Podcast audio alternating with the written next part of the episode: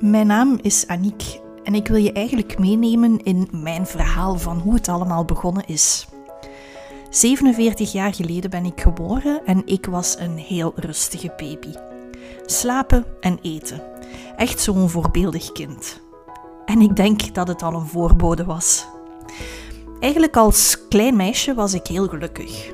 Ik deed goed mijn best op school, ik haalde goede punten. Ik was zo'n echt strevertje. Zelfs als klein meisje lag de lat al zeer hoog. Haalde ik een 8 op 10? Wel, dan ging ik voor een 9. En was het een 9, dan ging ik zeker die 10 op 10 halen. Waar ik niet in uitblonk, deed ik niet meer of deed ik ook niet graag. Als tiener had ik eigenlijk ook een zorgeloze jeugd. Ik amuseerde mij, ik ging uit, ik had een vriendje, voldoende vriendinnen. Ik studeerde af en dan komt het moment dat je moet gaan kiezen welke richting je wil uitgaan. Ik heb altijd gedroomd om naar de UNIF te gaan en psychologie te studeren. Maar een docent verklaarde aan mijn vader dat die investering eigenlijk niks zou opleveren. Bam, daar ging mijn zelfbeeld. Eén zinnetje en zo bepalend voor de rest van mijn leven. Want ik ging naar de hogeschool en studeerde logopedie en audiologie. En na drie jaar was ik afgestudeerd in eerste zittijd. En ik weet nog dat ik toen onmiddellijk naar mijn oude school ben gereden om die bijzondere leerkracht te laten weten dat ik geslaagd was zonder enige moeite. Weet je wat het ergste van al was? Ze herinnerde mij zelfs niet meer. Ik startte na het afstuderen mijn eigen praktijk als logopediste en ik moet zeggen dat dat een van de grootste ontgoochelingen van mijn leven is geweest. Ik kwam terecht in het schoolse circuit, waar ouders dachten dat ik met twee halve uurtjes per week wonderen ging verrichten met een kind. Niet dus. In mijn huwelijk ging het ook al niet zo goed en ik voelde mij steeds meer en meer falen. Maar niemand die het aan me zag. Ik was misperfect. De glimlach op het gezicht en doen alsof. Daar was ik de beste in. Maar van binnen ging ik kapot. Nadat ik stopte met mijn praktijk ben ik ook gescheiden en heb ik vijf jobs in zes jaar tijd gehad. Diep ongelukkig, maar blijven doordoen, want dat was mijn motto. Stilstaan was kijken naar mijn emoties en voelen, daar was ik echt bang van. Op mijn 27ste kwam ik bij een coach terecht om te ontdekken wie ik was en wat ik met mijn leven zou gaan doen. Want ja, zo goed ging het niet met mij. Drie gesprekken later werd het me heel helder.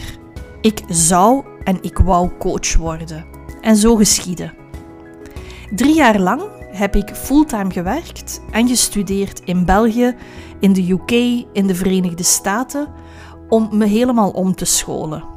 Mijn perfectionisme had me helemaal vast, want ik studeerde bij de beste van de beste en ik zou alles tot in de puntjes beheersen. Want mijn lat lag zeer hoog.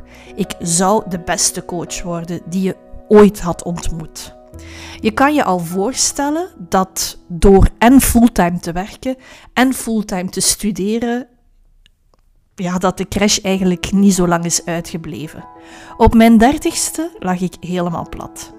Ik heb een jaar niets kunnen doen, alleen maar slapen.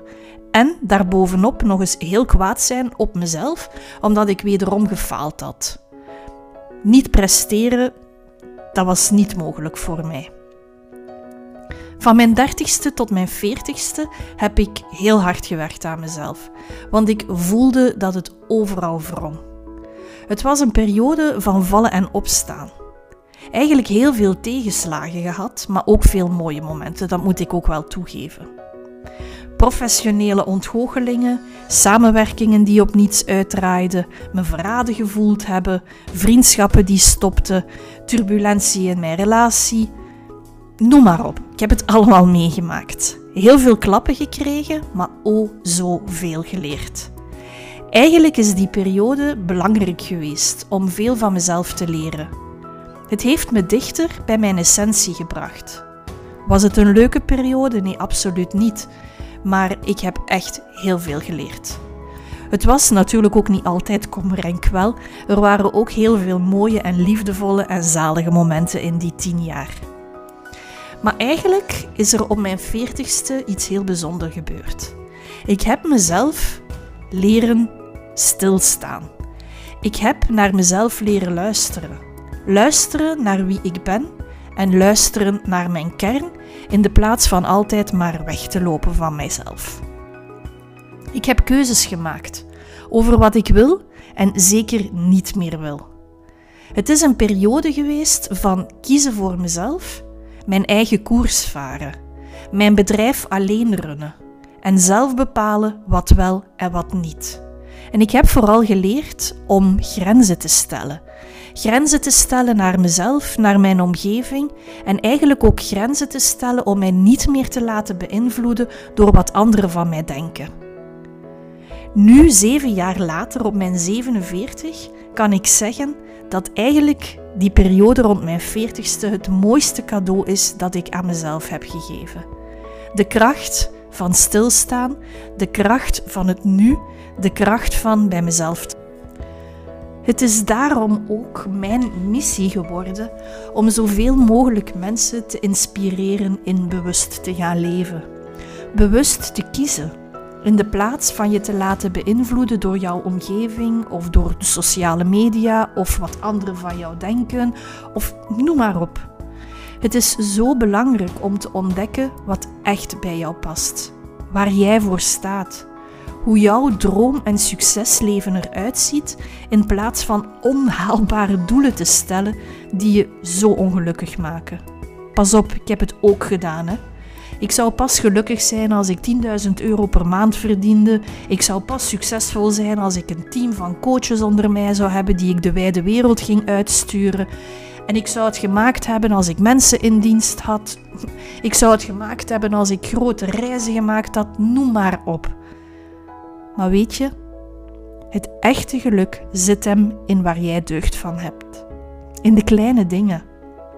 Zoals in de zon zitten een koffie drinken in alle rust, knuffelen met jouw kinderen, tijd hebben om samen te ontbijten in de plaats van te rushen en te stressen.